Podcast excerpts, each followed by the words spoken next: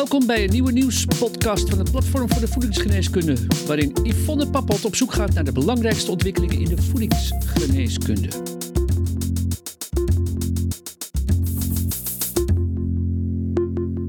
Hallo luisteraars, welkom weer bij de wekelijkse nieuwspodcast van Voedingsgeneeskunde.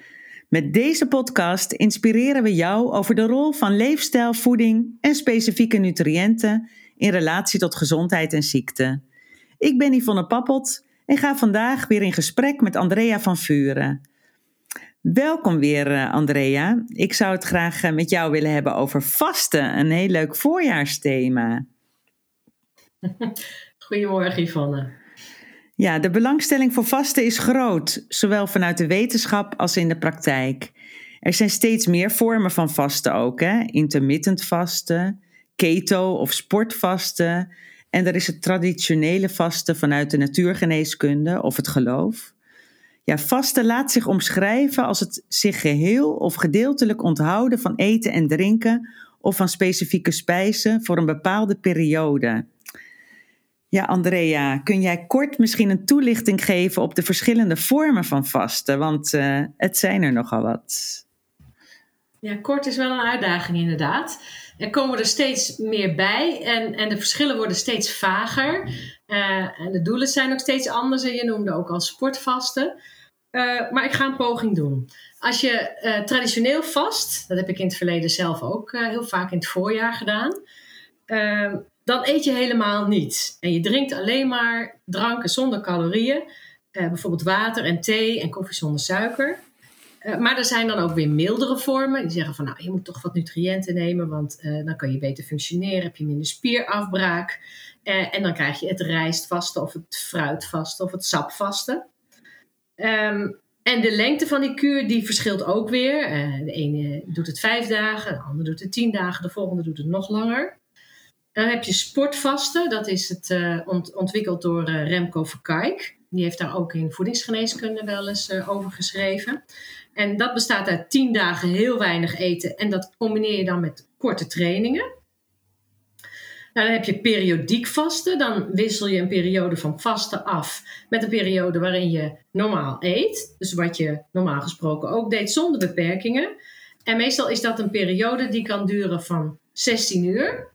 Dus waarbij je een deel van de dag uh, niet eet en een deel wel. Of 48 uur achter elkaar zonder, hele, zonder energieinname. Dus zonder dat je iets eet. Dus dat kan van 16 uur tot twee dagen zijn. Uh, het kan ook om de dag of enkele dagen in de week. En dat heet wel het 5 staat tot 2 dieet. Vijf dagen wel eten, twee dagen niet eten. Of enkele dagen per maand. Dus uh, alle variaties zijn mogelijk en iedereen heeft daar zo weer zijn of haar ideeën over. Dankjewel voor deze opsomming, Andrea. Uh, toch een mooi overzicht uh, van de verschillende soorten vasten. Ja, en ik hoor vaak over de metabole switch ook, die, die vasten teweeg kan brengen. Kun je misschien uitleggen aan de luisteraar wat het effect kan zijn van vasten op het uh, metabolisme? Ja, heel vaak hoor je ook zeggen, een, er wordt een metabole switch gemaakt. Dus bijvoorbeeld um, van koolhydraatverbranding naar vetverbranding.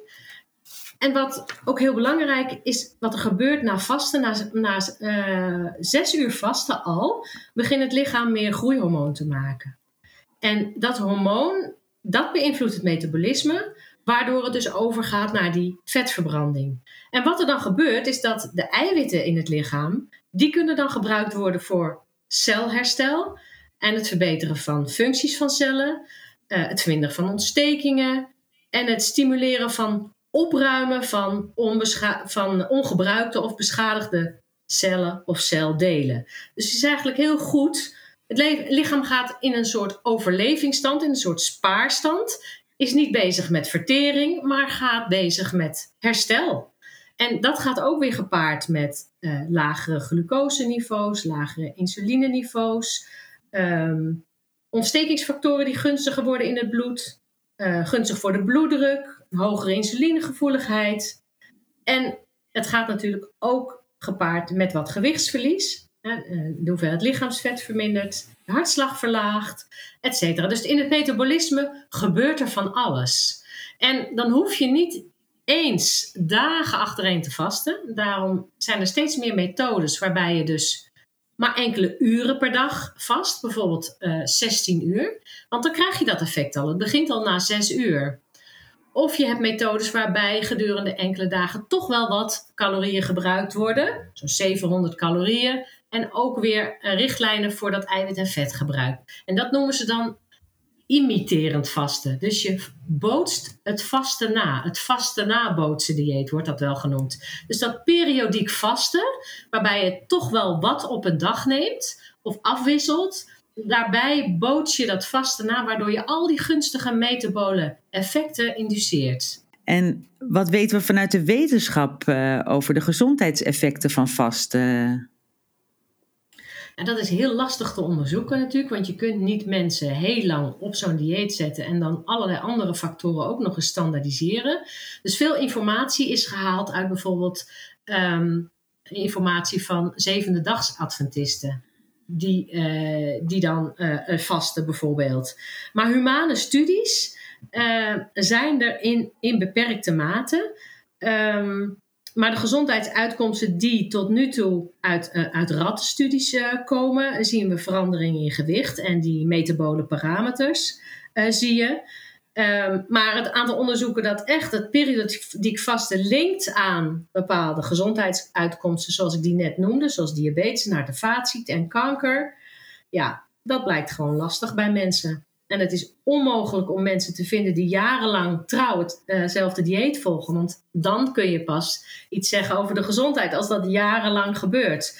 Dus ja, de adviezen die nu uh, gedaan worden zijn grotendeels gebaseerd op rattenstudies en op persoonlijke interpretatie, overtuiging en ervaring. Ja, en de vraag is natuurlijk sowieso hoe lang je het vaste goed voor je is. Uh.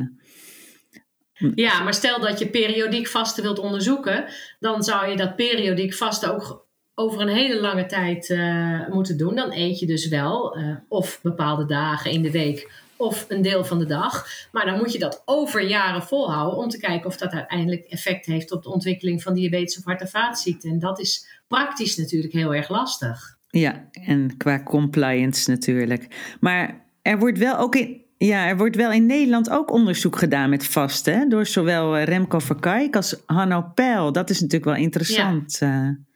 ja, het grappige is dat die dus tegen dezelfde punten aanlopen. Want die Hanno Peil, die heeft uh, met zijn onderzoeksgroep een pilotstudie uitgerold. Bij mensen die uh, uh, chemotherapie krijgen bij, bij borstkanker in een vroeg stadium.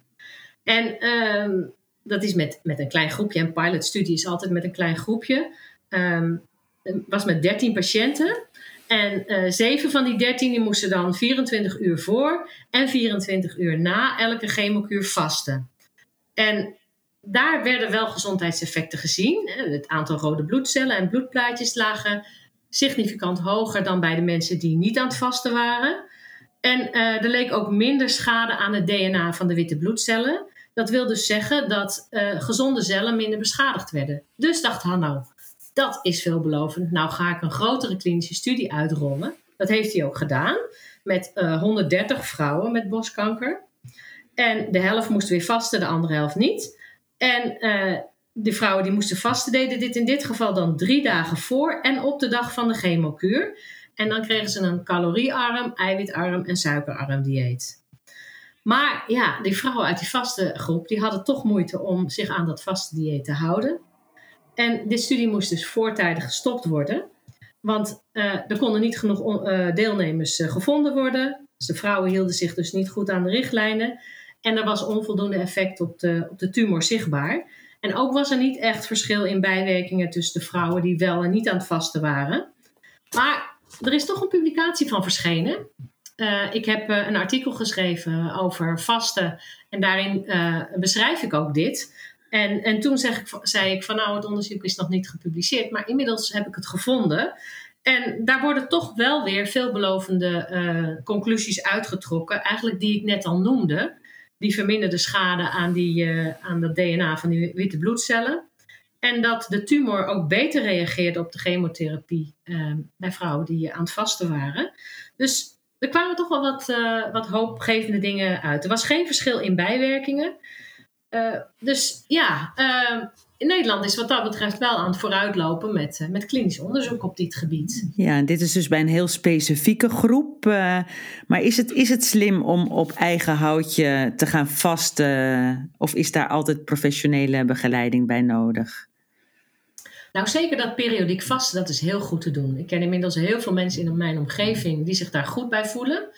We hebben het al een keer eerder in de podcast gehad dat het ook heel belangrijk is om minder eetmomenten in te bouwen, omdat eetmomenten ontstekingsbevorderend zijn. Dus iedereen die gezond is, zou dat op eigen houtje gewoon kunnen doen. Een vorm van periodiek vasten die goed bij je past. Dat is ook nog wel een uitdaging, hè? Wat past beter bij jou. Enkele dagen in de week niet eten, om de dag niet eten. 16 tot 20 uur per dag niet eten. Dat is ook nog iets om uit te zoeken. Uh, er is een arts in Nederland, uh, hoe heet je ook weer? heeft een hele moeilijke naam. Samefco Ludidi. Ludi ja, Ludico of zo. Ja, hè? ja. ja. ja die, die doet dat ook. En die, die uh, maakt een persoonlijk advies. Op basis van bepaalde vragenlijsten kijkt hij van nou, welke vorm van vasten zou nou het beste bij jou passen? Want alles is persoonlijk. Je moet je er goed bij voelen en je moet het natuurlijk ook vol kunnen houden.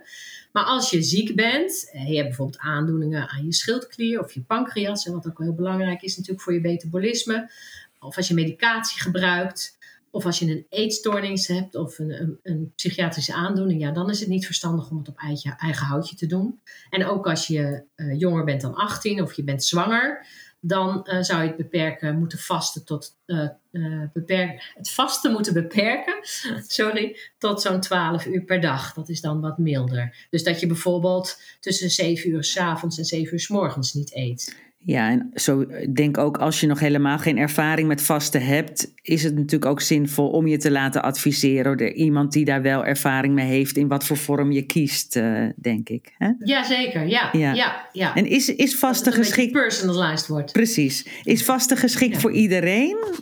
Uh, ja, dat, dat is eigenlijk wat we net al noemden. Hè. Het, het, het, zou, het zou voor iedereen ook goed zijn. Als je Hanno Peil, als je daarop googelt, dan vind je heel veel interviews met hem. Ik vind het altijd een hele inspirerende man. Hij zegt het zou voor iedereen goed zijn, zeker die minder eetmomenten. En ook uh, ter preventie van welvaartsziekten, uh, ter bevordering van je gezondheid.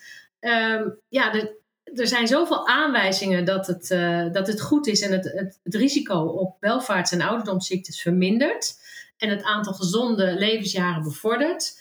Um, ja, dat het, dat het zeker een aanrader is om minder eetmomenten in te bouwen en om langer achtereen niet te eten. Dat is goed voor je metabolisme. Dat is mijn visie, maar wat ik al zei, het is moeilijk om het klinisch te staven. Dus het, het blijft tot, uh, beperkt tot uh, persoonlijke interpretatie. Maar mijn persoonlijke inter interpretatie is dat het uh, voor iedereen die gezond is geschikt zou zijn. Ja.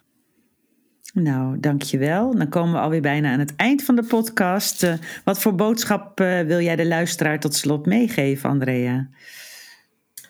Minder eetmomenten. Ja, duidelijk. En jouw woord van de week? Uh, metabole switch. Oh, ik zat eigenlijk al mijn woord te doen, maar ja, minder eetmomenten, dat, dat is inderdaad... Het waren te veel woorden. En... wil geven. ja. ja. En metabole switch is ook te veel woorden, maar dat is inderdaad wat er gebeurt als je uh, langere tijd achter elkaar niet eten. En dat begint al vanaf zes uur. En mijn woord eh, van de week is uh, reiniging. Vasten heeft vaak ook wel een, een, een bredere werking uh, op ja, fysiek en ja. mentaal niveau. Daar hebben we het niet eens over gehad. Maar ja, nee. we kunnen het ook niet overal op hebben, over hebben. En dat vind ik in deze podcast ook altijd best frustrerend. Want ik wil zoveel vertellen. Maar het is goed dat we de artikelen nog hebben, die mensen. Ja, we houden het kort. En ook mooi om er nog eens vervolg aan te geven. In een andere podcast. Uh, je hebt inderdaad een heel mooi overzichtsartikel geschreven over vasten. Dat is gratis te downloaden op de website van Voedingsgeneeskunde. Nou. Andrea, heel hartelijk bedankt weer voor dit boeiende gesprek. Uh, erg leuk onderwerp, uh, ook dit voorjaar weer. En uh, ook de luisteraars bedankt voor de aandacht. graag tot de volgende keer bij weer een nieuwe nieuwspodcast. tot ziens. Via vakblad, website, podcasts en een jaarlijks congres biedt voedingsgeneeskunde al meer dan 20 jaar professionele en wetenschappelijk onderbouwde kennis. Gratis voor niets, het laatste nieuws in je inbox. Schrijf je dan in voor de wekelijkse nieuwsbrief op www.voedingsgeneeskunde.nl. Redactie en productie Yvonne Papot. Techniek Sjoerd Kaandorp. Voedingsgeneeskunde is een project van uitgeverij Media Medica.